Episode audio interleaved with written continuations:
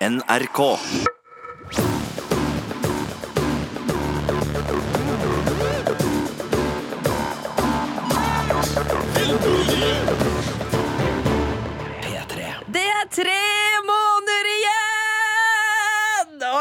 Beklager min influensastemme som ropte litt der, men du hører jo på Game of Thrones-podkasten til Filmpolitiet med meg sjæl, Marte og Sigurd Vik i studio. Hallo, hallo! Hallo, Marte. Det er jo en litt spesiell dag i dag. Det er det, for endelig har vi fått eh, vite datoen for Game of Thrones sesong åtte. Og det er grunnen til at vi bare måtte kjøre ut en podkast i dag, for vanligvis er det jo onsdager som er eh, eh, Game of Thrones-podkast-dagen. Men altså, det kom trailer i natt. Det kom trailer, og det kom dato. Og uh, i USA så står det 14. april på kalenderen, men i Norge så blir det natt til 15. april Mm. at Game of Thrones ruller i gang på HBO Nordic. Uh, vi visste jo april, og Ja. det her er jo så midt i april som det går an å få det. Rett før påske og greier, så, så det her eh, Ja, ja, ja. Nei, det blir, blir spennende. Uh, så datoen det, det er deilig å ha en dato. Da, da vet vi litt mer når vi må liksom planlegge litt sånn ekstra fridager og, Mm. og sånne ting. Og så uh, ser vi også at uh, da vet vi sånn cirka når det slutter, fordi det skal jo være seks episoder. Så hvis vi regner oss fram da Har du gjort det, Marte? Nei, det har jeg skal vi gjort. regne oss fram på direkten her nå? okay. Hvis vi regner oss fram fra 15. april, så kommer episode 2 22. april, episode 3 29. april, episode 4 6. mai, episode 5 13. mai, og episode 6 og den siste episoden av Game of Thrones ever 20. mai. Oi, oi, oi. 20. mai. Da er det, da er det slutt. Ikke lenge igjen, det. Å, gud! Men vi fikk jo ikke bare dato. Vi fikk jo også se en teaser-trailer som ikke er av den typen trailer. Og for vi var veldig spent når vi skjønte Du sendte melding i, i går kveld om at Ja. det skjer et eller annet før eh, True Detective-premieren på HBO. De skal, de skal slippe noe greier. Eh, for True Detective hadde eh, premiere i dag, som vi snakket om mandag 14. januar. Og så satt vi og ventet. Ok, et sånn tominutters trailer med liksom masse klipp fra den kommende sesongen. Det er jo fråtsefest for, eh, for nerder og fanteorifolk. Men vi fikk en såkalt eh, konseptuell trailer. Ja, og det er jo noe som HBO har pleid å gjøre i forkant av eh, Game of Thrones-sesongene sine, og så har de gitt oss en mer sånn, sånn klipp fra serien litt nærmere sesongstart, men eh, de har spilt inn en, en, en egen scene som er for traileren, er Ja. det vi antar da. David Nutter, regissør, som også har mange av episodene, skal ha stått bak eh, regien på denne traileren. Eh, og eh, ja, hva var førsteinntrykket ditt når du fikk se den? Jeg, jeg så den jo faktisk da på natta klokka tre. For jeg er jo forkjøla. Hoster mye, tar lang tid for meg å sovne og sånn. Og så plutselig så bare Så ligger jeg og hører på lydbok på mobilen min, og så ser jeg bare notification fra Game of Thrones YouTube-kontoen, og jeg bare Herregud, nå kommer den! Og da måtte jeg, måtte jeg ikke se den på mobilen, men da måtte jeg ut i stua, eh, skru på TV-en, få opp YouTube-appen, sånn at jeg kunne se det på stor skjerm. Eh, og eh, jeg fikk jo gåsehud over hele meg, for det er jo en veldig stemningsskapende trailer, eller teaser om du vil, som, som setter tema for sesongen. Altså, vi er i krypten i Winterfell, eh, og vi ser Sansa, John og Arya eh, som går der. Eh, det, eh, det faller en fjær ut av hånden til Liana, eh, og så står de da, og så ser de på plutselig seg selv, sine egne graver, da, før vi hører den derre eh, ikoniske eh, klikkelyden som betyr at White Walkersen er på vei, og så at frostrøyken siver inn ned i kjelleren der. Og hvis vi tolker den da, så betyr jo det at alle de tre er døde, og så kommer White Walkerne og tar over Winterfell. Det må jo være så enkelt. Akkurat det det Ja. betyr. Nei, men eh, hvis eh, vi skal prøve å, å um, tolke det her litt altså Vi vet jo at det her kan jo Det er jo en stemningssetter, og det har jo vært en liten teaser også tidligere Mm. som handla bare om at ild og Is møtes. eh, A Song of Ice and Fire er jo tittelen her, så, så det er jo ikke så rart. Men uh, hvis du skal hjelpe oss litt å analysere underveis, det er blant annet en fjær som heller Ja. hva, hva vil du si at vi kan lese ut Altså, av den traileren? Den fjæra hadde jeg eh, helt glemt. Så det var sånn, jeg, jeg så den to ganger på rappen, traileren, og så bare Hva? Den fjæra? Hva, er det med den fjæra? ned fra krypten til tante Stark idet John går forbi. Ja, altså John, Det ligger en fjær i hånda til Liana, uh, og når han går forbi, så hans liksom vindpust feier den fjøra ned på bakken. Eh, og det er en fjær som Robert la i hånda til Liana i sesong én. Når, når du husker eh, Noe av det første han gjør når han kommer til Winterfell, er jo å gå ned til eh, krypten for å besøke Liana. Han er der sammen med Ned, og så står de og snakker om at det, altså Robert syns det er så fælt at hun skal være her nede på dette mørke, jævlige stedet, liksom. Hun elsket jo å være ute blant liksom eh, dyrene og på enga og bla, bla, bla. Og så legger han da denne fjøra i, i, um, i hånden hennes. Um, og så er det også en um, en annen scene eh, seinere hvor Sansa og Littlefinger er i krypten. Og da har den fjøren falt ned på bakken, og Sansa legger den tilbake i hånden til Liana. Så der er der vi har sett den fjern før. Eh, og så har jeg sett eh, folk driver og spekulerer rundt omkring på det store internett at ja, det er en svart og rød fjær! Eh, er det et symbol på Targaryen? Eh, når den faller ut av hånda hennes, betyr det at Targaryen skal falle? Altså, eh, jeg vet ikke helt hva den betyr, egentlig, den fjøren, men eh, tja. Men uh, det er jo i hvert fall ingen tvil om at uh, liv er, uh, er, på spill her, da. alle står i fare for å, for å dø, og ja. Det, det, er i hvert fall helt åpenbart at White Walkerne er på vei til Vinterfell. Ja. Der har du våre ti høns, ut fra den lille fjæra av en trailer. Det er vanskelig å si noe mye, men det skaper i hvert fall stemning og forventning. Ja. Og det er klart, når jeg så den traileren først og vi skal straks begynne å snakke om sesong to, altså ikke, ikke, ikke, gå noen plass. Men når jeg så den traileren først, og så liksom uh, disse søsknene kom mot hverandre, så var jeg jo forberedt på at uh, det er søskenintriger på gang her. Her er det konflikter, her er, og ikke bare søsken, da, men søsken det, og, og, søskenbarn.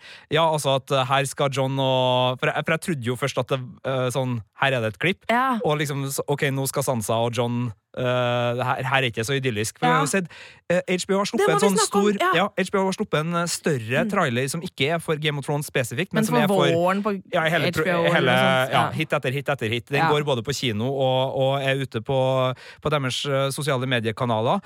og der er det jo en scene Eller to vi kan nevne. Blant annet så dukker jo Deneris opp sammen med Ja, Det er det vi regner er med Eh, vi regner med at det er fra første episode eh, av sesong åtte. Fordi vi vet at sesong åtte skal starte med at Deneris kommer til Winterfell. Og i det bitte lille klippet eh, så ser vi da John og Deneris står side om side.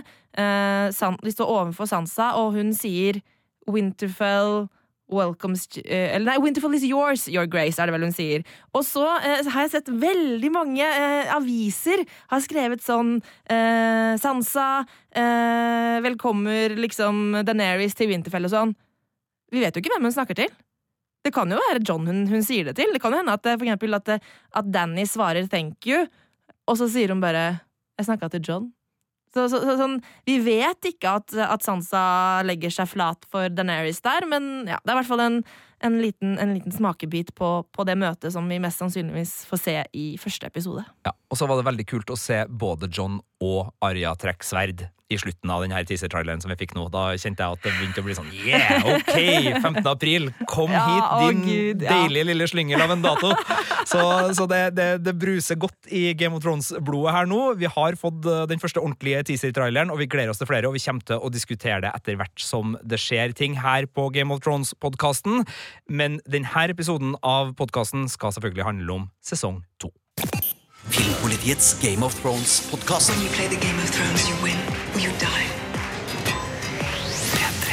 Ja, for vi går jo gjennom sesong for sesong for å varme opp eh, til finalen, da. Eh, og i forrige podkast tok vi for oss episode, nei, sesong én, og nå skal vi ta for oss eh, eh sesong to. Eh, men før vi går i gang, så, så har vi fått inn en liten rett lettelse eh, på, på, eh, på eh, Faktisk på min Facebook, men du kan sende en mail til filmpolitiet at nrk.no hvis du har innspill.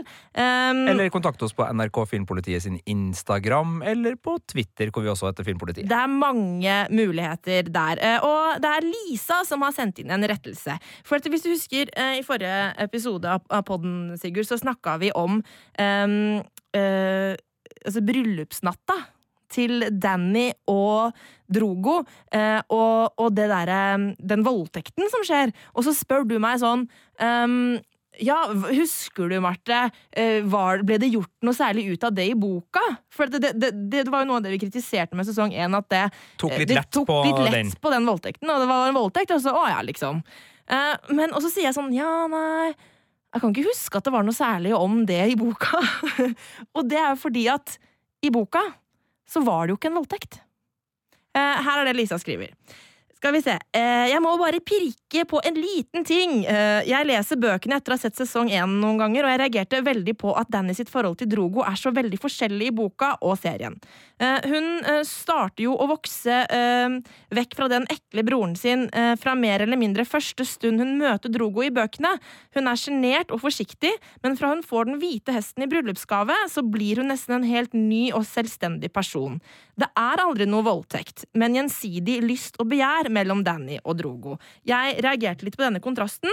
Har dere noen tanker om hvorfor serieskaperne velger å plassere Danny så på bånn av bøtta? Eh, hun har jo nok elendighet i både fortid og nåtid med familiedrama og kontrollerende, incestuøse bror osv. Jeg syns det var en unødvendig endring. Og jeg er bare sånn hæ? What the hell? Da jeg, da jeg fikk det innspillet fra Lisa, jeg bare sånn Hvordan kan jeg ikke huske dette? Og så må jeg, må, må jeg gå tilbake til bøkene, da, ikke sant, selvfølgelig. Eh, og så eh, lese det kapittelet. Det er kapittel 11. Eh, og, eh, og, da skjønner jeg ikke at jeg kunne ha glemt det! For når jeg nå har lest det, så, så kjenner jeg så godt liksom, Jeg husker den følelsen. Fordi eh, det her er skikkelig sånn husmorsporno-scene. Uh, og jeg husker at jeg, uh, jeg blir litt sånn flau når jeg leser sånn veldig beskrivende husmorsporno-scener. Så, så, føler jeg sånn at folk kan, folk kan, se på meg hva jeg leser. så jeg blir litt sånn flau.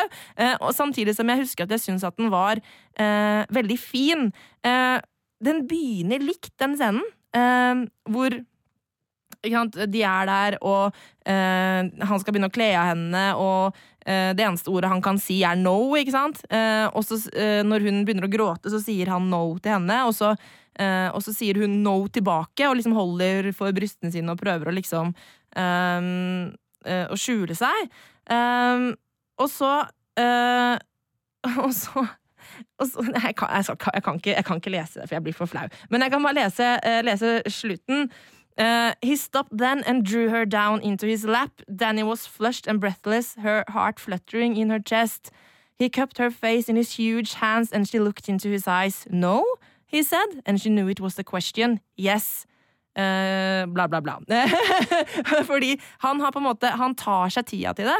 Uh, og da to, uh, tankene mine gikk til Outlander-serien, som har fått veldig sånn anerkjennelse for at den tar seg tid til kvinnelig seksualitet og kvinnelig nytelse i sexscener og sånn. Og det er det den scenen er i bøkene. Eh, Kaldrogo tar seg, tar seg, skikkelig lang tid for å få Danny klar og med på moroa, liksom. Eh, og så er det hun som på en måte sier yes, og, og liksom fortsetter.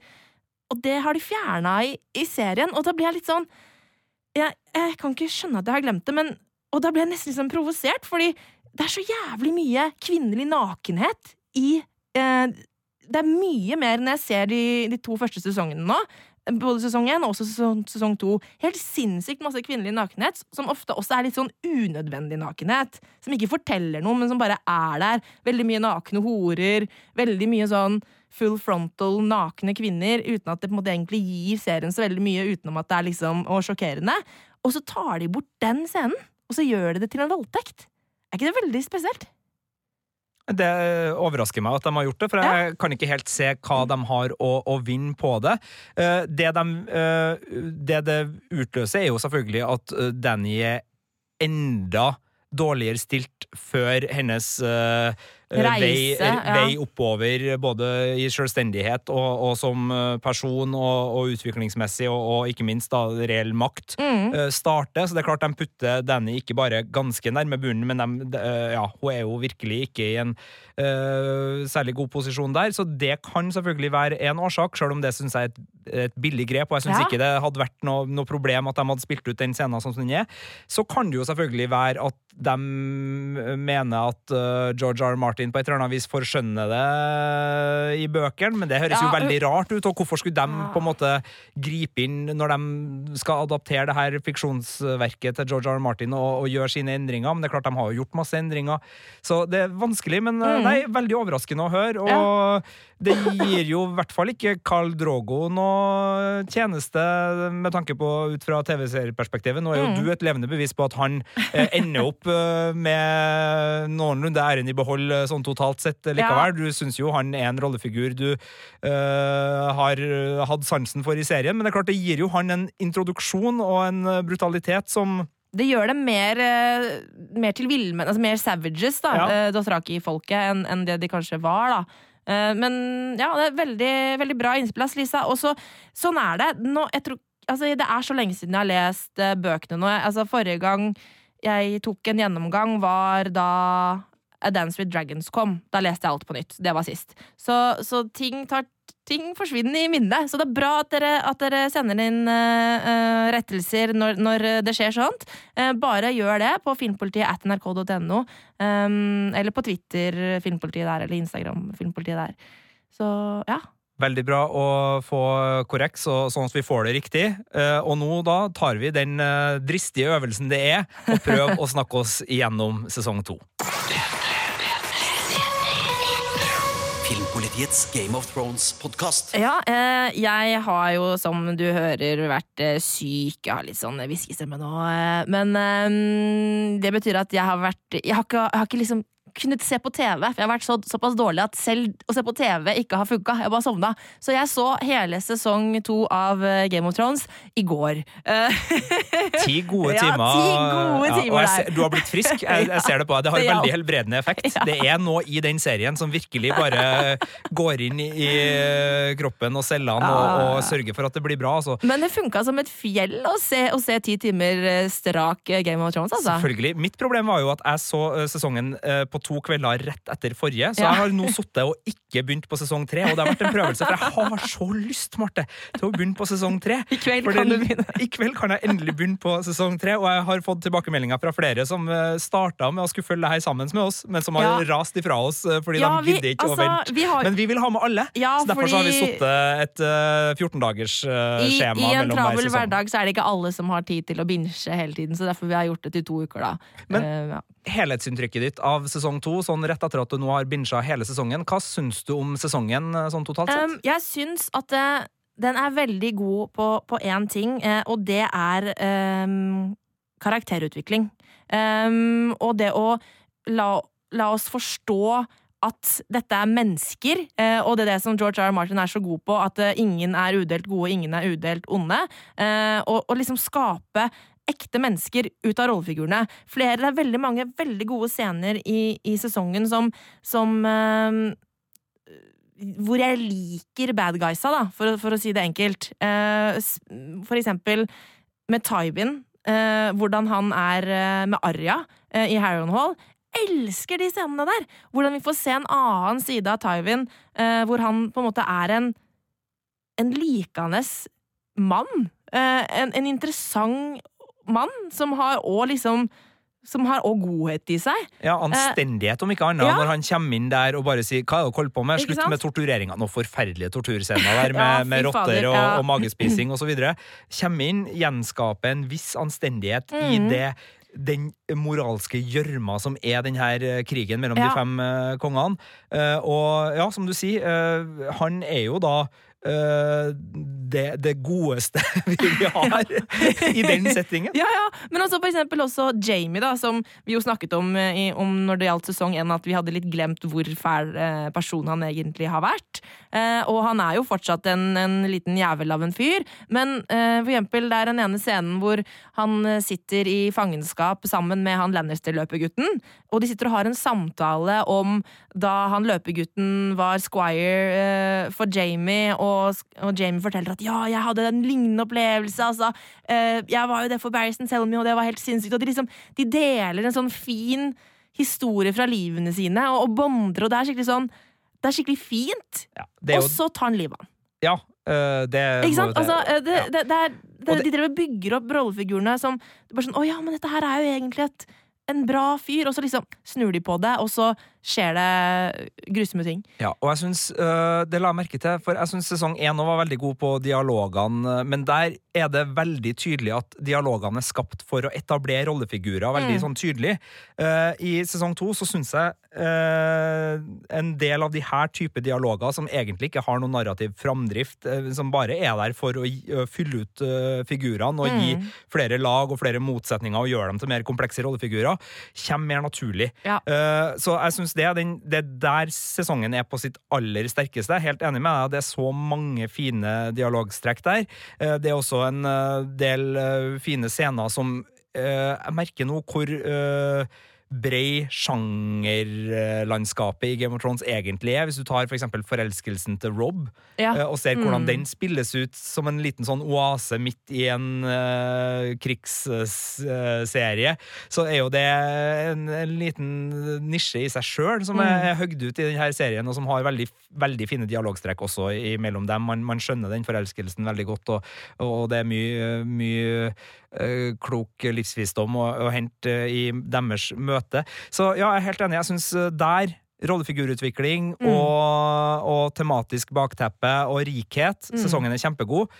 Samtidig så tror jeg kanskje at når vi sitter helt på tampen og skal oppsummere, så er det her den minst spennende og interessante sesongen, sier jeg nå etter bare å ha sett én, en, men jeg merker at den eh, Og det tenkte ikke jeg på når jeg så den, men sånn sett som en sesong mellom sesong én og tre, hvor det Mm. skjer så mye dramatisk i begge de to sesongene, så er jo det her en ganske normal og litt nedpå sesong. Ja, uh, enig. som mangler kanskje de veldig store scenene og de veldig store hendelsene, selv om det er både slag og mye annet her. Og uh, vi har jo vært inne på det spesielt kanskje uh, Daenerys eh, Ja. sin historie i denne sesongen. Den er ikke svak, men det er den som eh, vibrerer minst. Altså, vi er ofte å treffe Daenerys i Cart. Men det er veldig lite som fortelles. Det er lite som fortelles, og det skjer ikke så mye spennende der. Og det, det, det, det kjennes litt som sånn Det er liksom Det er ganske fortetta spenning i de fleste situasjonene vi er i, enten det er uh, i nord, det er med Arja, det er i Kings Landing.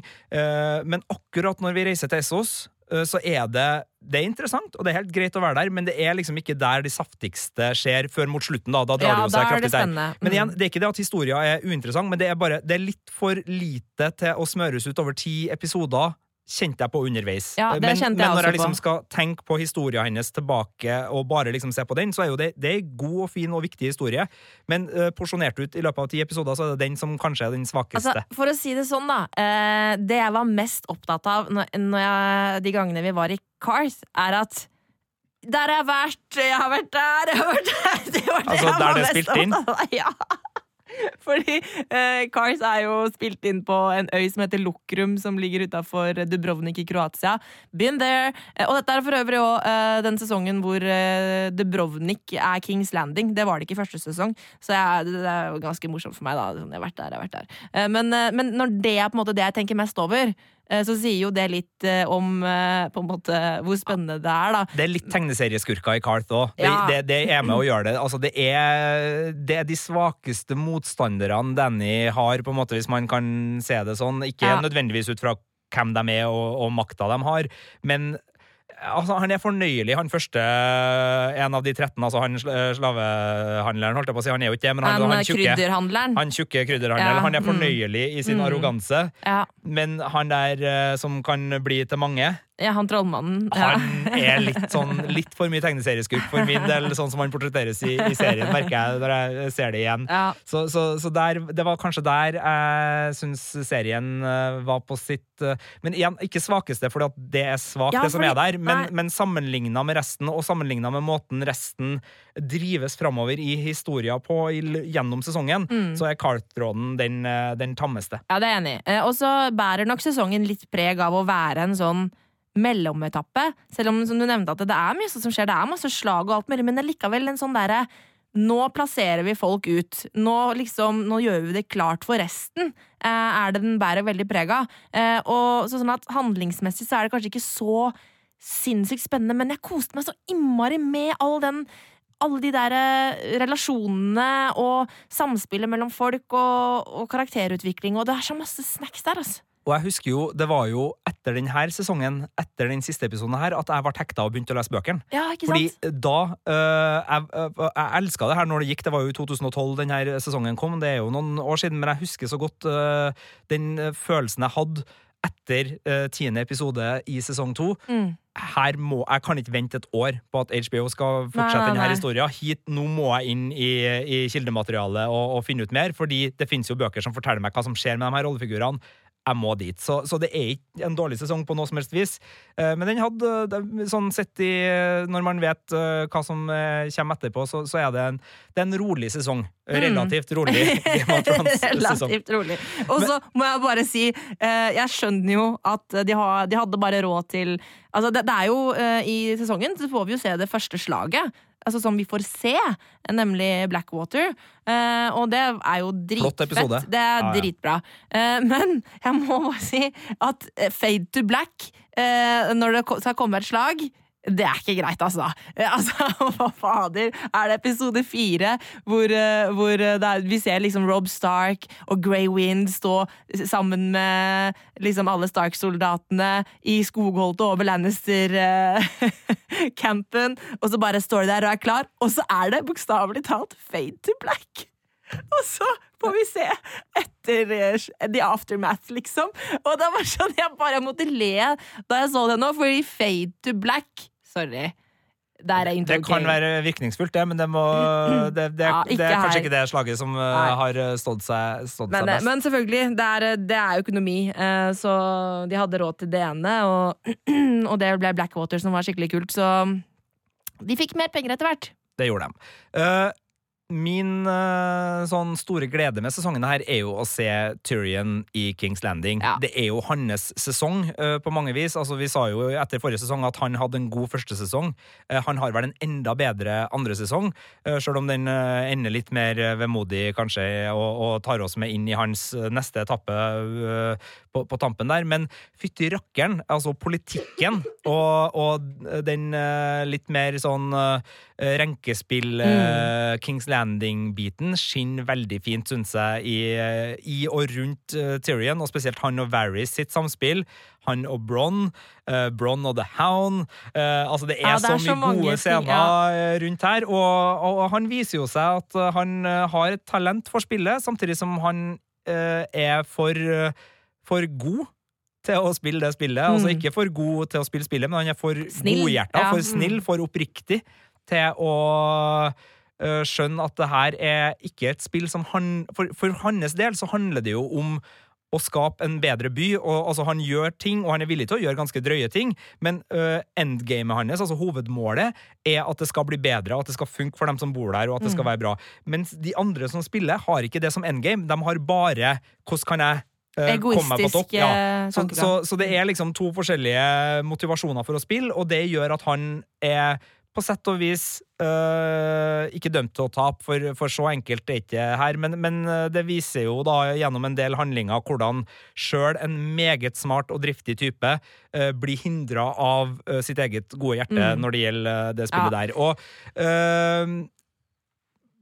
Cersei oppi alt det her Eh, igjen en helt nydelig sesong, hvor Mm. hun svinger mellom det brekkekle, det forståelige, det, det, det vemodige, det litt sånn sorgtunge, og det fortvilte. Mm. Uh, og tilbake til det brekkekle igjen. Uh, så, så der er jo redninga, og, og måten uh, Joffrey Ja, han får virkelig vist hvor sadistisk og jævlig han er. Altså, den, Den sexscena. ja, den er jo helt for jævlig. Men Den også, er for jævlig. den, den er helt grusom, men, men også altså, mm, oppløpet til den scenen, nemlig Sansa-scenen, hvor han på en måte avkler Sansa både fysisk, men også psykisk eh, i tronsalen der, er, viser også hvor jævlig han er. Eh, og, og der får vi jo da også se da, at Tyrion er villig til å gjøre hva som helst eh, for det beste for, for kongeriket, liksom. At han, ok, eh, vi må få Joffrey under kontroll, han må få ut noen av de der sadistiske lystene sine, men så, å ja, det var så ille det skulle jo bli, liksom.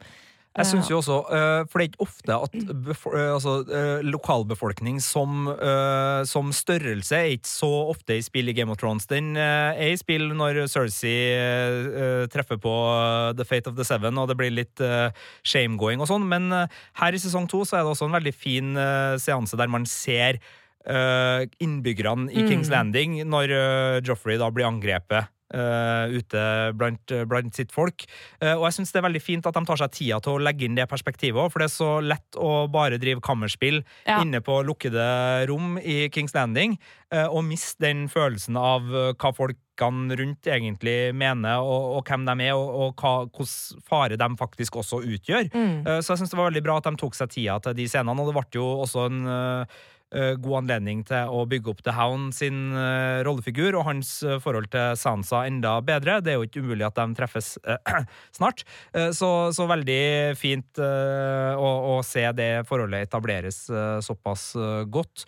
Eh, Littlefinger har en uh, grei sesong. Uh, ikke uh, noe merken mer eller mindre enn man forventer av en. Jeg syns Varys er den som er mest interessant i, av de to Ja. edderkoppene. Ja, og det var jo også sånn som du sa i stad, at der er det mange fine scener mellom, mellom Tyrion og Varys igjen, altså. Sånn som i sesong én, så var det veldig mange gode scener mellom Varys og Littlefinger, men, men der er det Det var mer sånn duell, ikke sant? Altså, de, de, de, de har sånn duell på gang, en ordduell, mens her så er det eh, det er fortsatt litt sånn der bickering og, og type å snakke på som kan kanskje virke litt duellaktig, men, men det er en sånn gryende vennskap der som er i utvikling, som, som er skikkelig koselig og interessant å, å følge med på i løpet av sesongen, som jeg likte veldig godt. Og så er Littlefinger litt mer sånn ærendsgutt i denne sesongen. Han blir liksom Ja. sendt dit. Sendt til dit. Han har jo, det, ja, sendt han har jo ja. sine planer, og Mm. snakker med Sansa, snakker litt med Tywin, snakker Mm. litt uh, hist og pist, møter Catelyn. Altså, han gjør forskjellige ting, men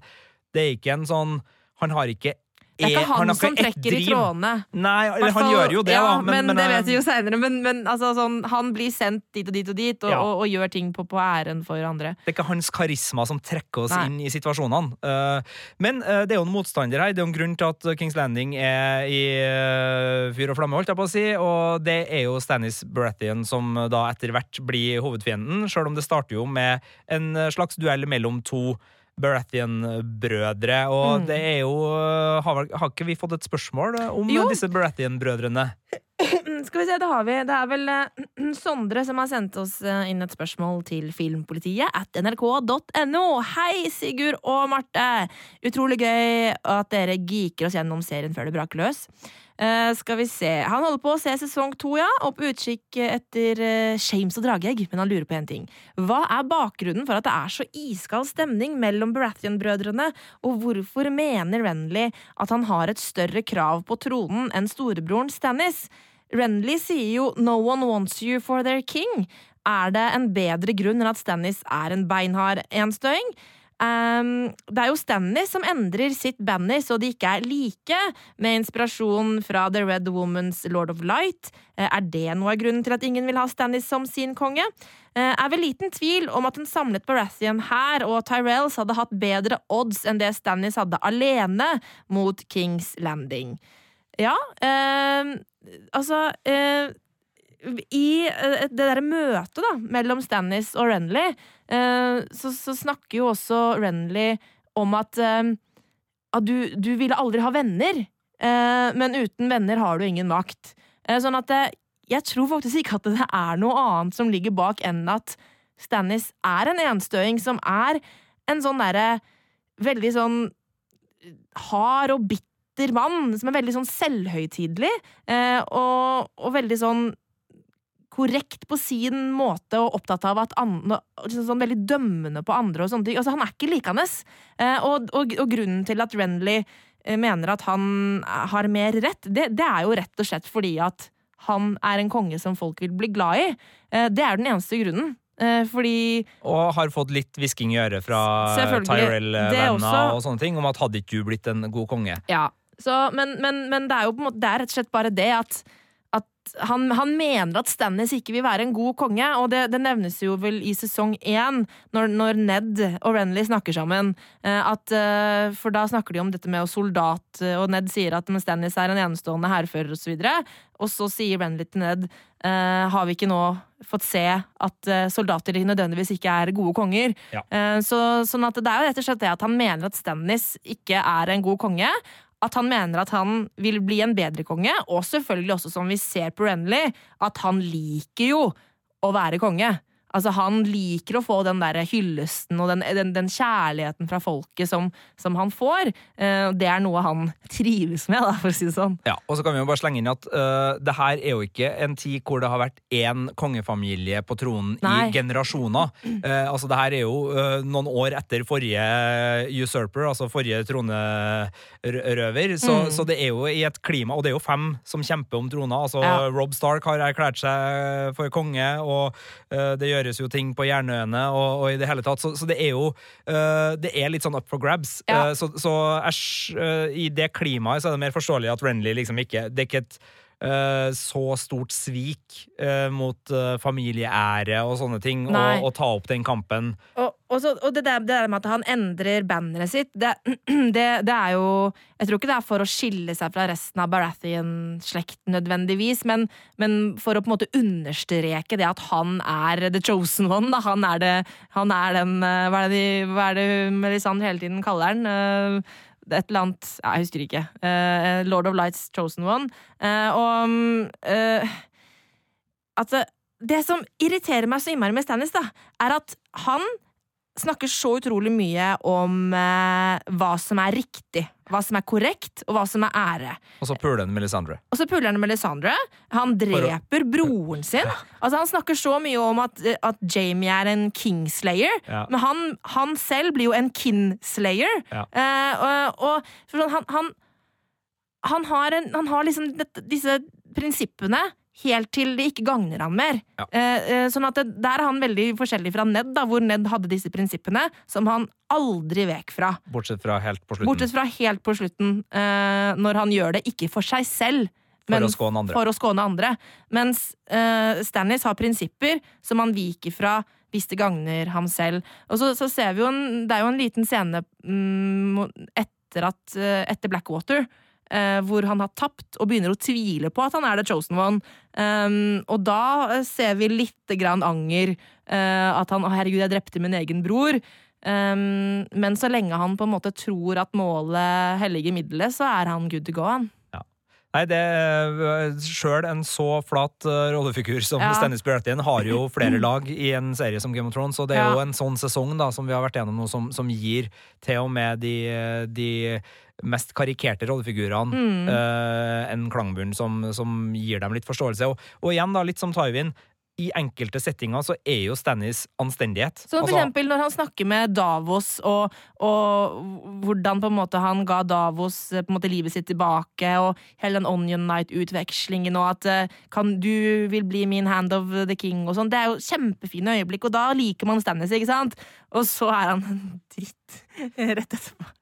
Uh, vi kunne ha gått Daria nå, men bare for å Fordi du nevnte det. Ja. Uh, Syns du Craster uh, har noen øyeblikk av anstendighet? Apropos. Hvis vi da reiser Oi, til oi, oi. Nora for Ja, veggen og, og eh, henger litt med The Night's Watch, for der òg skjer det jo veldig spennende ting, og det starter jo uh, hos Craster. Han er blant de mer ufyselige er, folkene. eh, Og ja. sjøl om liksom Jorah Mormont liksom sier sånn 'vi trenger han', Ja. han har redda mange av oss, så han har jo en viss anstendighet. Ja, nei, men det er ikke det er anstendighet. ikke anstendighet, For det er er kjøpt og betalt. Altså, det er OK, du gir meg vin, du gir meg bra våpen. OK, greit, jeg skal få bo her. Eh, det er sånn, Åh, for en eh, fæl fyr! ja, Craster er Og så når han driver og tuller sånn derre Er dere ikke misunnelige, folkens, på Ja. alle de bra damene jeg har her? Der bor dere på veggen helt mutters aleine uten kvinnfolk og ser på meg! Så masse fine unge damer! Bare sånn, ja, det er dine døtre. Så, så, Det er så, Han er så jævlig. så fæl. han er fæl. Han er så fæl. Og, og, altså, og det er jo på en måte altså, En ting er jo den ville incestfesten han driver med oppi der, eh, under tvang. Eh, men, men han dreper jo òg alle guttebarna, liksom. Som Ja, han det vet vi jo ikke helt, da. Han, og det blir jo sagt. uh, uh, altså, Mormont sier jo uh, til John her oppe er, Har man andre guder enn og, og mer harsere og fælere guder enn en sør for veggen? Og han sier jo at han ofrer. Det sier jo Mormont. Men det er det som er så interessant, for det er det store spørsmålet jeg sitter igjen med etter sesong to. Hva okay. vet egentlig Jorah om White Walkers? Ja, eh, Fordi der, Jeg får litt sånn mixed signals der, for det virker egentlig som at han vet eh, om ofringa og vet litt hva som foregår. Mm. ja, han vet samtidig om så, ofringa. samtidig så virker det som han liksom ikke aner hva en White Walker er. Men altså, det, kan det jo, det kan jo hende at han vet at Craster ofrer eh, til de liksom farlige gudene i hermetegn nord for veggen. Ja. Eh, han, han vet sikkert at eh, at uh, Wildlingsen snakker om uh, døde som lever og alt mulig Og det har han jo opplevd, så Whites Ja, ja. er jo greit. Jo, Det- jo, men, men, ja. men før det. Men, men det betyr jo ikke at han tror på alt. At han, at han vet at Craster driver og ofrer kids til noen, noen isguder, betyr jo ikke at han tror på gudene til Craster. Nei, men samtidig det er et eller annet med måten han snakker til John på der, som gjør at det virker som om at uh, Jorah Mormont vet hva en White Walker er. Og det Ja. syns jeg er en merkelig ting da for uh, Men, den eh, jo, jo, jo. oppførselen de har. Eh, men altså, um, for det er jo sånn som eh, Dette her dette her tror jeg, nå, som sagt, sånn som jeg nevnte i stad, jeg glemmer ting, så bare send meg mail hvis jeg sier noe feil nå. Men eh, i bøkene så det- får vi mye mer innblikk i Sams på en måte utforskning i gamle bøker. Eh, og at han på en måte finner tapt kunnskap.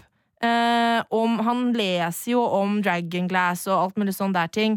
Eh, mens, eh, og da husker jeg ikke helt hvordan det var i forhold til serien med dette med eh, eh, tre vi, vi, vi blåser i hornet tre ganger for White Walkers. Ja. Er det noe alle vet? Eh, eller er det noe Sam vet? Altså, de, de, de nye gutta på veggen visste jo det ikke, men vet Mormont det, for eksempel? Ja, det Og da må han jo vite hva, Da må han jo ha lurt Ja. på hva er White Walker. Hvis Ja. de blåser tre ganger for det, hva faen er det, liksom? Ja, og John nå beskriver jo, etter at han har sett White Walkeren som eh, Eller altså, han har sett eh, Noe. noe, Mm. eh, så beskriver han jo det her til eh, Jorah, og Jorah er liksom ikke sånn Hva? Nei, Han er Nei, litt sånn, er ja, ikke det, det er jo da han sier det her med Mm. Ja, det er ting her. Så uh, det er ikke at ting ikke går opp og sånn, men det, det er fascinerende å se uh, Eller å føle seg litt fram på hvor mye vet egentlig de viseste, altså uh, Amon og Mm. Jorah og dem som er liksom de viseste og klokeste på veggen. Ja. Hva vet egentlig dem om White Walkers uh, allerede så tidlig som i uh, starten her? Og uh, hvorfor har ikke dem med sin anselige pondus og, og sin mulighet For det er jo ikke noe tvil om at når vi møter mange av disse rollefigurene, sjøl om våre helter ikke har vokst seg opp til å bli store og sterke, Mm. så er jo menneskene godt bedre rusta enn etter alle disse rundene, både på veggen og ellers i, i verden. Så, Ja. så det, det, det gjør meg i hvert fall veldig nysgjerrig på, Ja. på det Men totale altså, de, bildet. De, de vet jo noe om farenivået. Ja. Sånn som i sesong én, øh, eh, den, den derre hvordan eh, både Amon og Mormon snakker til John på. Hva er viktigst her? Ja. Er det de døde som blir levende, eller er det den greia di nedi The South, liksom? Eh, og, og Mormont har jo sendt eh, jævla Thorn-dritten sørover med den hånda. Ja. Eh, og han har òg sendt et brev som, vi, som dukker opp i, i sesong to, eh, hvor han advarer og ber om hjelp. Men de, de ler jo bare av det. Sånn at de, de er jo klare over faren som, som er i ferd med å, å komme, men hvor mye han vet om White Walkers, det, det Jeg tror ikke det er mye, ass. Nei da, jeg tror heller ikke. Det var bare interessant å Ja. se at det tydeligvis er et eller annet der som er litt mer konkret enn jeg Mm.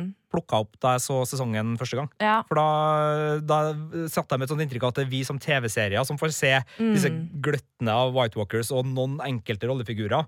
Uh, sånn som Sam, sånn som John, Mm. sånn som han stakkaren som mista hodet. Uh, men det virker jo som Jorah har en eh, viss peiling. Men nok om det. Ja. Uh, vi må snakke om Ygret. Ja, vet du hva? Eh, jeg hadde glemt hvor fornøyelig hele det møtet der er. bra det. Ja, det er så dritbra. Jeg så lo bra. høyt flere ganger. Det er, det er skikkelig morsomt, ass. Det er så god kjemi. Ja, det er, Det er eh, så herlig opplegg, og jeg gruer meg allerede nå til den veggen skal klatre seg. Altså, men Ja. eh, nei, det, det, var, det var så koselig, det. Det, var, var så godt serieselskap. Og veldig, veldig morsom eh, dialogutveksling og ei herlig manus. eh, Når hun og- driver og lokker den utpå og, og prøver å liksom sånn Du er ikke litt interessert i sex, da? Kan du det her, egentlig? Hva kommer da? Hva kommer da? Ja, for, at eh, hun, hun Do you know what to do? Eller noe sånt. I can teach you what to do. Og så sier Jon Snow I know what to do. Og sier, you know nothing, Jon Snow. Og det er, det er herlig. Det er i episode sju. Det er vakkert. Og, nei, det, det er skikkelig, skikkelig gøy. Og Sam og Gilly ja. Ja, Sam Altså, nei. Det er, det er veldig mye sånne herlige samspill, altså. Ja, jeg trives, trives godt uh, nordafor veggen i sesong to. Mm. Og så er det jo helt jævlig da i Winterfell, selvfølgelig, hvor uh, de to yngste Stark-brødrene har et uh, litt personlig helvete. Ja. I og med at Theon, da Fæle, fæle Theon, Ja. uh, i likhet med Rob og i likhet med Kathleen, gjør elendige valg Ja. uh, gjennom hele denne sesongen, Uh, som får katastrofale følger for alle involverte. Men altså, men, men ja. OK, hvis vi skal se hvem av, av Theon, av Kathleen og av Rob sine valg, da Hvem er på en måte minst forståelig? Theon. Ja. Jeg er enig. Fordi det er så skjørt, det selvbildet han kan liksom vinne. Altså, han, han men, men altså, det er ikke sånn at det ikke er forståelig, men uh, du spurte Minst forståelig, ja, mm. For uh, Catelyn er veldig forståelig. Det handler om uh, å redde døtrene hennes, eller det hun tror er en mulighet for å redde døtrene Ja. hennes. og Det, det er, er, det, hun- det er ren desperasjon, det er ren desperasjon. Eh, Så hun frigjør Jamie ut fra, fra det, og, og det er ikke en god avgjørelse, men, men det er forståelig. Rob sin avgjørelse er også forståelig, for han eh, er forelska, og han anser sin posisjon som såpass sterk at han mener at det eh, bruddet og, og det er jo Altså, det at det fører til The Red Wedding, er jo Mm. eh, helt absurd, egentlig, men, men det gjør det jo. Mm. Eh, det bryter jo den alliansen sønder og sammen. Ja, for det, det Men- var litt morsomt det- å se den igjen. Uh, for at jeg har vært veldig hard mot Rob før. Ja. Men når jeg så sesong to igjen nå, så har jeg mer forståelse for forelskelsen. Eh, og så er det jo uh, Theon, da, som eh, starter med en sånn der 'jeg drar og spør farsan om hjelp', og så er det litt den der eh, ekle, men allikevel godt laga scenen med han og søstera på hesteryggen, Ja. og hele liksom eh, resten av de jernøyefolkene som er noe forbaska De, er jo på en måte eh, De er jo vikingene i dette Ja universet. men de er ikke noen kule vikinger. Nei, vikinger. det er ikke kule Jeg har vikinger. akkurat sett ferdig så langt som vi har kommet i Vikings. Det er kule vikinger. Ja. Det her er eh, røtende vikinger. Ja, det det her er Ja. Hvis vi, hvis vi tar på en måte alt det jævlige ved vikinger, Ja. og, og ikke noe annet, så er det Iron Og, og People. Theon vet alt han gjør er feil hele veien. Ja. Han er liksom klar over det, og han vet jo Og det er da jeg mener han bør også innerst inn vite at han ikke har øh, folket i ryggen, Ja, fordi men- han gang på gang på gang får vite det. Hvorfor tror han at det her mannskapet han har tatt med seg inn til Winterfell, Ja. er lojal mot den når til og med søstera hans, som er kanskje en av de få som faktisk Mm. liker en litt, eller har noen, noen bånd til en, sier du, vi gir opp det her. Ja. Det var kult det du gjorde, men nå stikker vi. Men altså, hans blinde flekk er jo den, den, den derre ekstreme Det ekstreme behovet for eh, bekreftelse fra Ja. folk rundt seg. Han er jo en så, et så usikkert menneske som det er mulig å få til. Noe man jo kan forstå når han på en måte blir gitt bort eh, av faren eh, som betaling for krigen, liksom,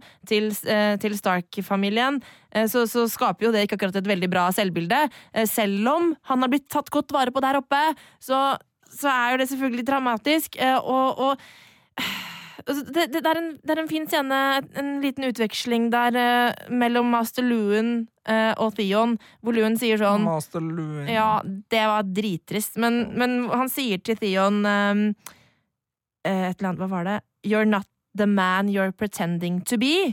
Eh, jeg har kjent deg hele livet, jeg veit at du ikke er denne fyren her som du prøver så innmari å være. Og så sier jo Theon tilbake, ja, men jeg har latt som så lenge at er nå er det for seint. Ja. Og, og det og, og i det øyeblikket så får man på en måte forståelse, og liksom, da syns jeg synd på Theon akkurat da. Men så for faen, da, gutt! Ta deg sammen! I, ha litt decency og ryggrad! Ja. Jævla drittfyr, ass! Ja, og så er det, det hele den der uh, uh, talen han holder på slutten, og når Ja, han blir, å, blir tatt uh, og For han så- tror han er, han, er, så, han er så blind, Men det er det jeg mener, at han har den innsikten når han snakker med Mr. Lewin. Han har den innsikten, Mm. og så bare den innsikten gir han så utrolig lite valuta for pengene. Ja. Han klarer ikke å bruke den innsikten til noe, for han har så store blindflekker. Ja. Så øh, ja, nei, øh, litt trist der. Men uh, jeg tror, uh, fordi vi kommer til å komme inn på det, så tror jeg vi må sno oss over på, på litt sånn belønning og, og utdeling. For nå er det noen vi ikke har snakka om. Men jeg, Ja. jeg tror nok vi kommer til å komme inn på dem etter hvert, så okay. Eller vil du snakke litt om Aria først, eller? Altså, ja, kan vi ikke snakke litt om Aria, da? Herregud. om Aria. Altså, Harrenhal, eh, for et forferdelig sted. Ja. Eh, men for et fantastisk sted. Eh, he, altså, det er favorittstedet mitt eh, denne sesongen her. Eh, og alt som utspiller seg av Altså, jeg har jo som nevnt, jeg elsker jo eh, samspillet mellom Arya og Tywin. Eh, men også bare så masse fine greier på vei til Harrenhal og i Harrenhal. Den, altså, samspillet mellom Hotpie og Gendry og altså Det er så masse gull her! Ja, han er kul, han eh, som eh, frakter dem òg. Ja, Han eh, kompisen til Ned som ja, han, han, han har en fin Fin prat med Aria før den natta Ja, Yara, Hva heter han igjen? Uh, ah, ja, samme det. Men apropos uh, herrenavn på J det er Joran. jo- ja, Ja, Men men det er jo en øh, viss uh, Jacken som er Ja, og han er veldig kul. Han er Eh, veldig kul. Det er et veldig fint møte. det er et veldig fint Det er veldig rar dialog, men det er et veldig fint møte. Altså, ja, det, er, det er så masse gull der, da. Altså, ja, hele den hele, alt, alt med Harrenhal er dritbra. Og det her er jo Jeg sa jo tidligere at det her er Tyrion sin sesong. Eh, Det er det i stor grad, men det er også litt Arya sin Ja. sesong, syns jeg. Det er, Mm. som, det er de- to for meg som står ut som de to eh, ledende skikkelsene Enig. i eh, sesong to. Det, det er her begge de uh, rollefigurene etableres og får den uh, gravitasjonskrafta som gjør at de står uh, til tross for uh, seinere litt svake sesonger, uh, begge to på Essos. Mm. Eh, så, så er det er så godt fundament som legges i denne sesongen på begge de rollefigurene, at når vi nå da nærmer oss finalesesongen, så er det eh, to av de aller viktigste rollefigurene eh, Ja. på grunn av det. Og jeg er jo dritirritert på Arja for at hun ikke klarer å utnytte disse tre drapene sine bedre. Ja. Eh, men samtidig så er det jo en sånn fin uh, Ah, filleren! Ja. Aha, men ja. Og et par av de drapene er så komisk og god. Spesielt eh, det drap nummer to, som utføres på dørstokken til Ja, den ja. Tywin Lannister. Det er jo, det er jo Monty Python, eh, og det er jo så utrolig latterlig artig. Og det er litt Monty Python i eh, hele den Ja, det Harrenhal-greia. Ja. Ja. Men, eh, men eh, ja, nei, det, det er nitrist der, og det er litt snedig å se The Mountain før Ja. hjerneskaden. Ja, og med annen skuespiller. med jeg, annen blir, jeg merker at jeg blir litt forvirra um, Altså, jeg blir litt forvirra av disse skuespillerbyttene når jeg ser det igjen nå. Ja. Fordi at jeg har ikke, blitt, har ikke vært forvirra underveis, for da har jeg på en måte glemt hvordan de har sett ut før. Men nå har jeg, har jeg im, så innmari nye The Mountain i, i hodet mitt, og islendingen, at eh, når jeg ser gamle The Mountain nå, så blir jeg helt sånn «Øh, Something is wrong. Nei, det, det er litt øh, og det, og det blir jo verre, for det er jo Ja. flere rollefigurer. Ja, ja, ja. Dario, blant annet, og, og en viss Ja. øh, broren til Sam skal jo skifte skuespillere. Ja, det er mange skuespillerbytter i, i Og vente. Og dronningbarna, holdt jeg på å si. Ikke sant? Så slutte? det er en del der. Men uh, det funka, og da, Marte, kan vi gå videre okay. til å dele ut shame og drageegg og finne ut hvem som hadde det kuleste dødsfallet i sesong to. Kom igjen, da. Filmpolitiets Game of Thrones-podkast. When you play the Game of Thrones, you win or you die. Ok, Skal vi begynne på, på det gode eller det dårlige, da? Jeg føler at vi Ah. Nå er vi på en sånn god flow. Kan vi begynne på det bra? Ok? Ok, Ukas drageegg, eller ukas drageegg, jeg vant å si det. Eh, Episodens, Sesongens drageegg. Hva var den, den enkeltstående tingen da, liksom, som vi syns er best med sesong to av Game of Thrones? Du begynner. Skal jeg begynne? Ok. Eh, Jeg, jeg har jo egentlig allerede sagt det litt, da, eh, at Harrenhall er mitt favorittsted. Eh, Og så har jeg, em, har jeg eh, nevnt Arja Arya og Tywin sitt samspill. Eh, Og så må jeg bare, for folk, Når folk sender inn spørsmål til oss, så er det mange som slenger inn eh, forslag til, eh, til drageegg. Eh, Og da har vi fått inn et par. Kan jeg bare si de? Ja. Em, skal vi se uh, Da må jeg bare finne det. Som alle skjønner, det er Marte som holder i innboksen vår her i Game of Thrones-podkasten. Ja, fordi Maren hun har sendt oss en mail med noen spørsmål som vi kan ta senere, men hun har nominert Arias opphold i Harrenhall uh, i uh, sesong to til uh, Drageegg. Det var så gøy å bevitne dynamikken mellom dem, skriver hun i e-posten til N filmpolitiet etter nrk.no. Og eh, jeg hadde egentlig tenkt å, å bare, bare gå for em, scenene mellom Arya og Tywin. eh, de, altså, at drageegget går til Arya og Tywin-duoen, på en måte. Eh, men, men etter å ha snakka om det nå, eh, og etter eh, e-posten til Maren også, så er jeg bare sånn Nei, men dæven, altså. Bare hele Harrenhal. Hele Harrenhal er, er, er drageegget for meg. Det er litt sånn snedig for meg, for på ett på, på et vis så syns jeg det er den mest sånn gjørmete, triste delen av hele fuckings serien. Liksom. Det, er, det er bare sånn dere Harrenhall-grav. Og, og jeg husker liksom før jeg starta på sesongen, så bare sånn Å, er det nå vi skal dit igjen, ja? Å ja, nei, er det Og, sant? ja, og jeg var litt sånn der Å ja, det der Ja, var det jo er litt av ei- grått og ja, det var litt av ei suppe. og jævlig og ja, Heldigvis så skal vi også elendighet. liksom til Kings Landing og det slaget, og vi skal liksom være eh, rundt omkring. Men det var liksom sånn Det eh, Theon-greia i Winterfell Ja. og Harrenhall-greia, Ja. og Rob driver og liksom knoter i midten der, og Ketlin driver og knoter i midten der, og uh, Renly skal dø på skyggebokservis, og det var bare sånn der Ja, det er den sesongen, ja. Ja. Ja, ja, vi får vel komme oss gjennom det her, da. Men jeg er enig, den, er også veldig fornøyelig. Og, Ja. og, men, men altså, fram til Tywin kom inn porten der, så er det jo den mest nitriste plassen i serieverden uh, ever. Ja, det jo er helt grusomt. Det er grusomt. ja, det, det, så det minner meg om Mio min Mio. Oh, Eh, ja. Og det er en sånn grå tristesse over det, som bare, det er som et sånn tjukk tåke som ligger over det hele. Men, men uh, jo, eh, jeg har et annet forslag. Okay. Jeg, jeg syns ikke det var et eh, dårlig forslag, det der. Altså, det, det er et sterkt. Men min eh, mest for, altså, Da jeg kosa meg aller mest under sesong to, Ja. er eh, da Tyrion eh, driver på med sin finne ut hvem som sladrer på hvem-lek. Ja, ja, altså når fin, han ja. eh, forteller det samme ryktet, men med ulik, uh, ulik avsender og mottaker. Altså, eh, hvis vi, sånn som forrige episode, så snakka du om at, at Shame burde gå til Ned, ikke sant? Fordi han var så dårlig detektiv. Tyrion er en mye bedre detektiv! Mye bedre! Jeg vil mye heller se krimserien Tyrion PI enn Ned PI satt til Game of Thrones-universet. Tyrion er en kløktig og god detektiv. Ikke en veldig god politiker, viser det seg. Eh, I hvert fall ikke i- det politiske systemet de er så uheldige å ha i eh, Kings Landing. Men eh, han, eh, ja, han er herlig. Og det, den der runden liksom med sånn først uh, Paisel, og så Littlefinger, og så tell the queen! Of course. det er bare sånn Igjen, det, det er jo ikke Monty Python, men det er og, nesten Og hele den der skjæra av eh. Skjegget til Faisal.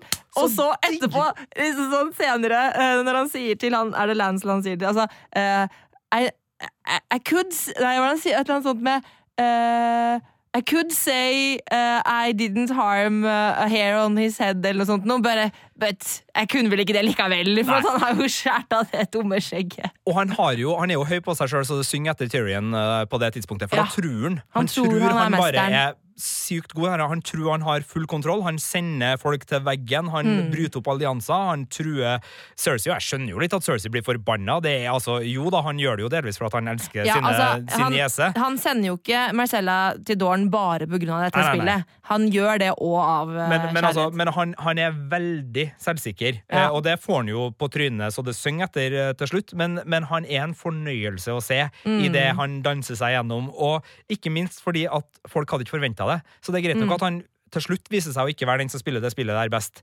Men det er litt som når underdog-fotballaget har en eh, 20-minuttersperiode mot eh, ja, si Manchester United, da, hvor de bare liksom feier hjem av banen. Så det i seg sjøl er så kult, da. At sjøl om United ender opp med å vinne kampen, så er det litt sånn Å, den der Å, da, den 20-minuttersperioden, da var uh, Tyrion liksom Da var han den beste. Så, så jeg kjenner Tyrion-fanen i meg er, er veldig begeistra, og det er akkurat den, den Jeg koser meg så med den, jeg. Er eh, enig i det. Altså. Hmm. Ja uh, Jeg kan slenge meg på den, jeg. Uh, for jeg kosa meg veldig med den. Ja. Uh, Ja, ja jeg, jeg, jeg kan være med på Harrenhall òg, men jeg syns Harrenhall har en sånn tristhet i seg som gjør at jeg nesten syns det er litt sånn uh, ja. Det er litt vondt å, å gi dragegget for hele sesongen til Harrenhall. Uh, Ok, sånn, ok. okay. ja, det er greit. Uh, jeg har fått sagt mitt. Digger Ja. Harrenhall, men jeg kan bli med på at, eh, at eh, drageegget for sesong to går til eh, Tyrion PI! og hans fantastiske uh, finne ut hvem som er snitch i uh, Ja. Det okay. er godt. Tusen takk, Marte. Jo da, men skylder jeg eh, du skylder meg igjen. Men nå skal vi over til de som fortjener eh, det verste, nemlig Shame. Yes, Og det er ganske mange som fortjener shame i denne sesongen. Jo, det er sant, men samtidig, vi må ikke glemme at shame ikke bare skal være til eh, folk som er skrevet godt, men som gjør dumme ting. Nei da. Eh, for, det, det, for da er vi jo på en måte? Ja. litt sånn det kan òg eh, være til ting som er dårlig skrevet. Jeg mener først og fremst som- nesten til ting som ikke funker, Ja. eller som ikke er så bra, eller det vi syns er, er det dårligste. Fordi sånn, Det åpenbare er jo ok, shame til jævla Theon, liksom. Ja, ja, ja. Han får så shame. Eh, men, men ja. Jeg har ikke det. Nei, hva, hva har du? Jeg har eh, en ting som jeg tror kommer til å terge deg ganske bra. Å nei! Jeg har eh, Og det, eh, det her går til uh, spesialeffektlagere okay. og eh, regissør og eh, Men, men, men, men, ok, men altså, spesial, det her er 2012. Kan Ja. du disse spesialeffekter Ja. 2000, Du syns det var dårlig med 2012-øyne, liksom? Ja, jeg syns det, jeg syns det skiller seg ut som dårlig i sesongen som okay. helhet. Og okay. derfor så, så For 2012-øyene gjelder jo hele sesongen. Ja. Eh, og det her er da i siste episode, Valar eh, Morgulis, episode 10. Den er vel regissert av eh, Alan Taylor, som også hadde første episoden. Og det jeg syns Det jeg liksom reagerte på, og som jeg syns var dårlig, er eh, og nå må du vente litt og høre meg ferdig, for jeg vet at du kommer til å, å bli provosert over hvilken type scene det er. Men det er i Dracaris-scenen til Deneris på tampen, okay. hvor hun skal brenne eh, disse Eller han her Kart-trollmannen.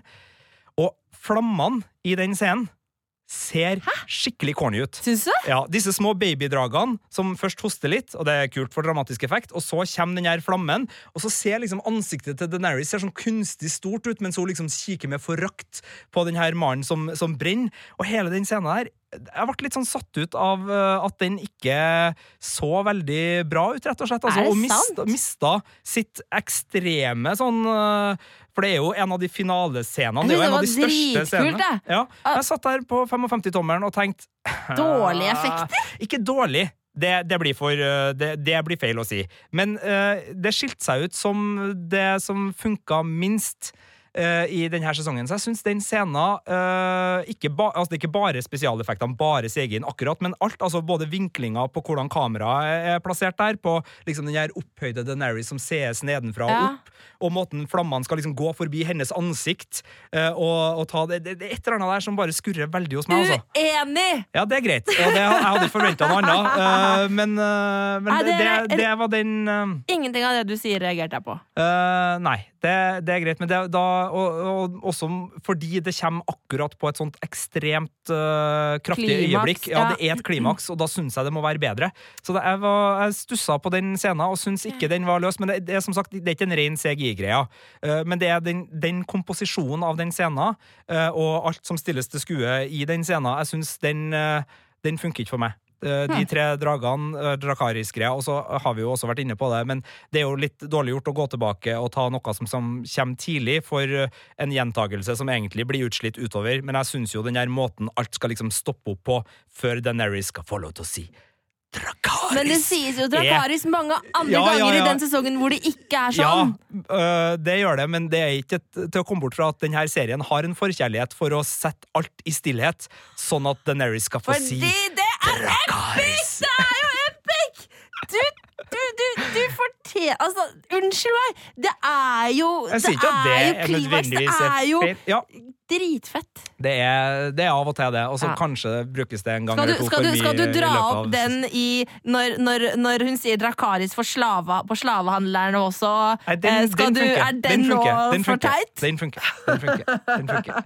Neida, vi skal, vi skal okay. være enige om at vi eh, har eh, litt annet fanfokus akkurat når det gjelder det der. Men, Ja. det, men igjen, da. Det er absolutt Det er ikke uh, ei dårlig scene, og den fungerer, men det er litt sånn Du det, hater Danny i denne, i denne sesongen, du. Nei, men det er litt antiklimaks å følge Danny i denne sesongen. Ja, det er enig. Eh, Ja. og når det da liksom skal bli uh, det der store klimakset, og jeg ikke syns den scenen sitter helt, så blir det en sånn Det blir en ekstra skuffelse. Da. Så det er mer skuffelsen min over den Mm. scenen og det klimakset i Kart i siste episoden av sesong to som, som utgjør det. Så det er mitt forslag, men jeg regner med at vi ikke er helt enige der. Uh, altså, jeg har et annet forslag, um, i, og det er um, uh, Altså skyggebaby-greia. Jeg tenkte jeg skulle nominere begge. Ja. Eh, For jeg syns også der er spesialeffekt Eller Eller ikke spesialeffektene, men jeg syns valget av den visuelle løsninga er Eh, eh, lite tilfredsstillende. men, men det er sånn, en ting er liksom når, når skyggebabyen fødes og så videre. Men det jeg egentlig sliter mest med, er hele den scena når uh, skyggebabyen dreper Renly.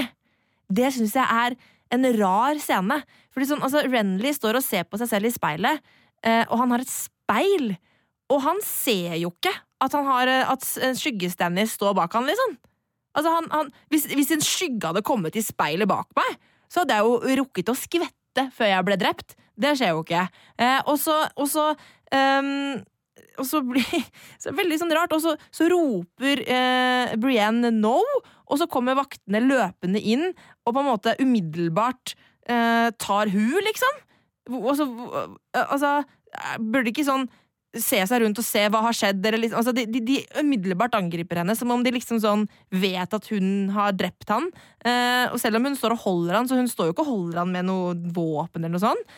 Eh, og så eh, Og det, en, det tror jeg kom inn en eh, også Altså, mor, en Mora til kongerivalen står jo rett ved siden av. Hadde kanskje vært mer nærliggende å tro at oi, eh, Eh, hva skjedde her? og så rømmer de. skyldig, eller? Så rømmer de dritlett, liksom. Og det, Ja. det var akkurat det på rømming, tror jeg um, en som heter Sondre har foreslått til Shame også, eh, hvor lett Brienne og Kathleen klarer å rømme fra Renlys eh, camp. Uh, what? Eh, er det en hemmelig gang? Altså, liksom Det, var, det, det er veldig lett. Så, så, så hele den Hele den scenen der syns jeg ikke fungerte. Jeg er enig med. Og uh, den kan jeg være med å gi, for det var, uh, det, det var den uh, Jeg syns jo også fødselen er corny. Jeg syns hele, Ja. hele måten det der er visuelt løst på, med, med skyggedrapet, Altså, er litt eh. Fødselen er det, en, en av grunnene til at jeg syns fødselen var veldig corny, er at Ok, jeg, jeg vet ikke helt Nå vet ikke jeg sånn hvor, hvor svær en mage skal være før man ikke ser kusa, liksom. Men altså, hun har jo ikke noe vulva. Eh, hun, altså, Melisande du er veldig spesifikt der, Marte. altså, hun har jo, Det er bare mage, og så er det ingenting mellom bena hennes. Det var sånn, what? Også, hva er det du føder gjennom? Du, du får jo ikke nakenhet i Game of Thrones. Altså, de er jo veldig opptatt av at det ikke skal være full, full frontal nudity. Så, så det, det sier seg sjøl. da- så det, da, den ene den var litt rar, men, eh, Ja. men Jeg- jeg, mest... Jeg tenker på riket av Lars von Trier. Det er et eller annet sånn der merkelig corny med, med hvordan den der fødselen foregår, Ja, og, hele og den- hele den eh, Men ja. å, det, det var noen som eh, Nå husker jeg ikke hvem det var som Men det er noen som har sendt mail på det. Var det ja, eh, jo, det er Maren, eh, som, jeg kan, eh, som jeg kan ta opp nå. For hun, hun lurer på akkurat det der.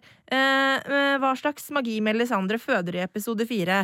Var det faktisk avkom av henne og Stannis? Døde denne skyggeskikkelsen etter å ha drept Renly? Og hvorfor brukte ikke hun og Stannis denne taktikken igjen mot Joffrey eller noen andre? Dette er for meg et plotthull som jeg helst vil ha tettet, og som jeg er på nippet til å nominere til sesongen Shame. Hjelp meg! Eh, ja, altså, jeg det er helt er enig i at det er et slags plotthull. Det kan selvfølgelig løses ved at eh, det her var noe Stannis ikke hadde veldig lyst til å gjøre igjen, fordi han Mm. var ikke så veldig fornøyd med utfallet og skjemmes nok over å ha både vært utro mot sin kone ja. eh, og måten eh, et sånt Fordi han er jo en veldig sånn her Hvis man skal drepe noen, skal man se dem i øynene. Ja. Skal man gjøre det ordentlig. Eh, så, så det kan nok være at Stannis ikke er veldig gira på å gjøre det her igjen. Samtidig så viser det seg at han er villig til å ofre dattera si et par sesonger senere, ja, er så det her er jo en fæl fyr. Men uh, jeg, jeg er enig, det er et plotthull, det at det ikke kan brukes igjen. Men det er et litt sånn, det er et litt sånn typisk plotthull, da. Fordi man uh, skriver inn noe, eller legger inn noe som er fantastisk der og da, uten å liksom tenke over at det her kan egentlig brukes flere Men flere så, ganger. kan vi jo men så kan vi jo forklare hvorfor det ikke skjer igjen. For det, jeg tror nok det er tilfellet. eh, At han ikke ønsker å bruke det igjen. Men, men hvordan magi der? Ja, det er eh, avkommet av eh, den knullinga på mm, kartbordet på eh, eh, Dragonstone som, som fødes eh, i den episoden, sånn jeg har skjønt det. Ja, og, det er jo en slags skikkelig mørk og jævlig magi. Ja. Ja, Og bare liv kan betale for døden, og og så videre. Det er jo flere ting som er spill, men det her er vel kanskje, og nå husker ikke jeg boka, da, men det er vel i hvert fall i serien en av de eh, som det forklares minst rundt i dialogform. Eh, akkurat hva slags type magi det er som Ja, er i spill her. Men det den er jo veldig visuelt eh, beskrevet, da, i og med at Ja. man får se samleie, man får se fødselen, og man får se drapet. Drapet. Så i uh, visuelt framstilt uh, så, er, så er den rik på beskrivelse, men forklares dårlig. Ja, Vi får litt forklaring på det uh, via Ikke forklaring, men litt mer rundt det. Gjennom Varys og Tyrion som snakker om dette, og hvor Varys forklarer at ja, hun Altså, det å putte en mann som har brukt sånn grusom magi som de driver med der borte eh, i Asai, på tronen, er, det er det er det verste han kan forestille seg skal skje med Westeros. Og, så, og, da, og da hinter han jo litt om på en måte Had I ever told you Ja. when I was cut, og hva som skjedde da han mistet sine edlere deler, og så videre. Og, um, og du, han ser litt redd ut, nesten. Eh, Ja. Sånn at vi forstår at det her er skikkelig mørke krefter. Og det er så fascinerende med akkurat den Lord of Light-guden. Fordi, eh, og sånn som, sånn som uh, Melisandre omtaler guden også, det er liksom Det er lyset og livet, og det er liksom Det er det, det, er det vakre med livet sin gud. Og så er det bare mørk og jævlig eh, og, og, og ond magi som, som brukes. Ja, men det er jo fordi at det er en del av det samme. Sånn som hun ser det. Altså, Ja. lyset er avhengig av mørket, Ja. osv. er, du, du Eh, får men ikke er noe jo- mørke uten lys. Nei, men det er jo den her magien som også gjør at John er i live nå. Det er den Mm. magien som gjør at ja uh, Dendarian uh, oppstår og oppstår og oppstår. oppstår. Så at det er mektig magi, det er jo det er ingen tvil om, men nei da, det er, det er jo ikke å komme bort fra Men at det altså- er noen men forklaringsproblem altså, underveis her. Når, når skyggebaby-Stannis drar seg ut mellom beina til Melisandre, det er pur ondskap. Ja, Det er jo det. og ganske corny. Og ganske teit. Og derfor så går shame til hele den sekvensen, eh, inkludert eh, rømminga fra eh, Catelyn og um, Lady Brienne. Brienne. Filmpolitiets Game of Thrones-podkast. Og det betyr at vi er vel ved veis ende? Nei, nei, nei, nei, sier Sigurd til meg nå. Vi skal kåre det beste dødsfallet. Altså, jeg kunne Vi skal kåre glemme det det! beste dødsfallet. En annen ting med denne sesongen, at jeg syns at det, uh, det er litt lite uh, episke dødsfall i denne sesongen. Det er mange artige dødsfall. Uh, altså, Ja. Jeg syns jo alle Jacken sine er Ja, ganske morsomme. Morsom. morsom. og så er det jo noen veldig sånn triste, sånn som uh, Mr. Ludvin, som er veldig ja, sånn Mester Ludvin og, og, og ikke minst um, Sir Roderick. Ja. Det er så ja, ja. trist. Og det er så fælt, Og det, nå- og den halshogginga. sånn Ja, og så idiotiske, inkompetente Sion som ikke klarer å kappe av hodet hans klint engang. Ja. Eh, men så er det så fint, liksom, han ser på, på Brann uh, før, før det skal skje, og smiler. Og så bare sånn Nå skal jeg møte faren din igjen. Og de to foreldreløse guttene, Marte. Må ikke Ah, glemme det- dem, som blir Crispy Chicken de luxe Ja, men på det er sånn jeg, jeg, Man har ikke lyst til å kåre sånne ting til beste dødsfall. dødsfall. Corin Halfhand, som også mister livet sitt uh, nordafor veggen. Det er jo mange dødsfall. Ja, men det er ikke Men- sånne kule Hei, Ei, fett Ja, men jeg har, mord! jeg har et. Jeg har. Ja, jeg har, jeg har noen forslag, jeg òg. Men ok, Ja. kom igjen. Og har du Vi skal ha ett ett ok, jeg har ett forslag, da. Få høre, da, Marte. Okay, og, og, og da for hvis vi da må vi bare si, Er det kuleste dødsfall vi kårer, eller er det, kan det være tristeste? Eller liksom, Er det beste, det er beste er jo kuleste. dødsfallet. Og det er jo det kulest. Ja, jeg synes det, men altså, det kan jo av og til være uh, det tristeste. For altså. Du kan ikke kåre Master Luens død til beste dødsfall. Jeg ville ikke gjort det, nei. Nei. Men, men altså, hvis du hadde gode argumenter for det, så skulle ikke jeg ha sagt sånn nei, det går ikke an fordi det er trist. Altså, Ja. det, det går an selv om det er trist, Ja, okay. men, men få høre hva du har. Okay, uh, nei, det eneste jeg liksom da kommer på, da, er er litt sånn kult dødsfall. navnløs soldat i Blackwater-episoden, hvor Stannis kapper av halve hodet til en soldat. Så ganske kult ut. Ja, ja det, jeg husker Mm. det, Så- det er et kult dødsfall. Det var kult. Ja. Jeg har ikke det. Nei. Nå må jeg bare ta unna krakken her, så jeg får Oi. armene mine fri. Okay. Fordi Brienne of Tarth Ja. og tre Stark-soldater ja! mens! Jamie eh, er ved siden av. Å, fy Måten hun først først Ja. to, og så bare kasta sverdene sine. Som om hun liksom bare skvetter vann av fingrene. Tar fram langsverdet og bare Ja. speeder han jævelen så gæli. Ja, fordi det var, det var Fy Ja, flate! og, og, og da blir liksom Du ser Jamie er bare sånn her Å, shit, hun der kan å slåss. Og vi blir bare Å, shit, hun der kan Ja. å slåss. Det er så Ja, fett. vet du hva, det var Det er så rett. tøft, det det dødsfallet her. Og Brian er så rå! Ja, og bare hun tar liksom fordi at hun dre... Og hun vil ikke. Hun vil egentlig ikke. De Nei, nei, prøver nei. å unngå det. Ja. Det er ikke, et, Nei, nei, det er ikke noe nei, nei. lystdrap, men når hun først må Ja, og så tar hun og så liksom Hun gir disse døde kvinnene på en måte eh, justice ved å drepe to kjappe og én sakte. eh, eh, er det lov å si min favorittpenetrering i sesong to. Ja, det, det tror jeg jeg kan si meg enig i. Altså, jeg er helt med på den. Hvorfor kom jeg ikke på det som, eh, som beste? Det er jo dritfett. Bare, men fjeset til Jamie når hun liksom Ja. Og måten eh, Gwendolyn Christie svinger seg rundt Ja, ja, med de sverdene. Og den sveisen. Hun Ah. har så rå sveis. Du Ah. klaga på Tyrion sin sveis i sesong én. Jeg elsker den slåssesveisen til Ja, vet du hva? Det er helt, er Ja, nydelig. enig. Så, Dritfett. ja, uh, jeg, um, Gwendolyn's eh, Nei, altså Brienne of Tars uh, Hva skal vi kalle det? Nedsabling. Nedsabling. Og uh, Av voldtektsmenn. av Eh, voldtektsmenn og drapsmenn, eh, ja. som er Stark-soldater. Egentlig våre gode menn.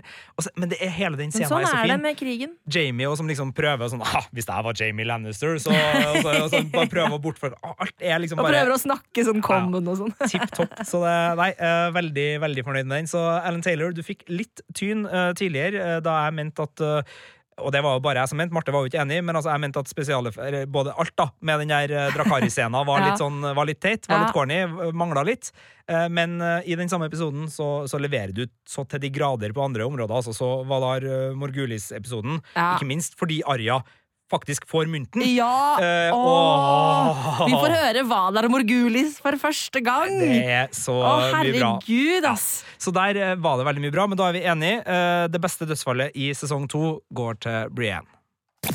Filmpolitiets Game of Thrones-podkast. When you play the Game of Thrones, you win or you die.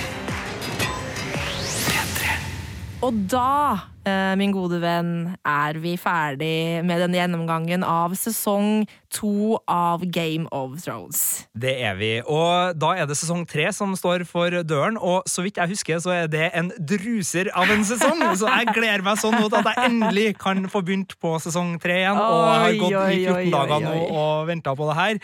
Og det er jo sånn da at eh, den podkasten som vi lager eh, om den eh, eh, sesongen, den kommer da eh, onsdag 30. januar. Så det er drøye 14 dager til den podkasten kommer ut, så da har dere god tid til å komme dere gjennom sesong tre sammen med oss. Og så er det jo også sånn at uh, det er Uh, tidligere episoder av Game of Thrones-podkasten som ligger hos Filmpolitiet sin podkast. Så Ja. uh, hvis du er inne på Game of Thrones-podkasten nå og har lyst til å høre enda mer, blant annet en spesial med Kristoffer Hivju, hvor vi snakker med han om eh, alt han opplevde på settet, og hvordan han eh, kom inn i serien, og, og både slarver om droner som spionerer underveis, og, og svarer på lyttespørsmål, så er det bare å gå på Filmpolitiet sin Og så må du podcast, scrolle, da. Scrolle litt ned, finner du Godtpodden, og der er det også eh, egne podkaster for hver av episodene i sesong seks og sesong sju. For det var i forkant av sesong seks vi starta med denne eh, Godtpodden, eller Game of Thrones-podkasten, som Yes. den eh, nå heter. Men eh, imellom scrollinga hos Filmpolitiet sin podkast så ligger det veldig mange flotte Filmpolitiet-podkaster. Om alt fra Harry Potter og Stranger Things til de ukentlige eh, podkastene våre som handler om kinopremierer og seriepremierer og ting vi har lyst til å nerde og skravle om, strømmetips osv. Så, videre. så sjekk gjerne ut det også, da. Og hvis du har innspill til enten eh, det vi snakka om i sesong to-podkasten, eller spørsmål eller forslag til shame, drageegg, kuleste dødsfall i sesong tre, så send oss gjerne det. Til filmpolitiet at nrk.no, eller så kan du søke opp Filmpolitiet på Twitter og Filmpolitiet på Instagram. Ja, der vil jeg, bare, jeg vil anbefale folk å gå inn på Instagrammet til NRK Filmpolitiet, bare for å se en liten hilsen fra Tyrion, som nok vil få humøret til å stige noen hakk i- i dag. Absolutt. Du finner oss eh, på Instagram. Å, herregud. Nå, nå eh, kan jo du bare gå rett hjem i, i kveld, eh, Sigurd, og, og se sesong tre bare smekk. Ja, jeg rekker det akkurat. Jeg skal til Tromsø filmfestival i morgen den dag, men rekk å se ti episoder av Game of Thrones før det. Ah. Så snakkes, da. Vi høres igjen! Spørsmål, teorier eller innspill? Send en e-post til filmpolitiet. Alfakrøll. NRK.no. Now begins. Now it ends. Filmpolitiets Game of Thrones-podkast. Absolutt ikke spoilerfri sone.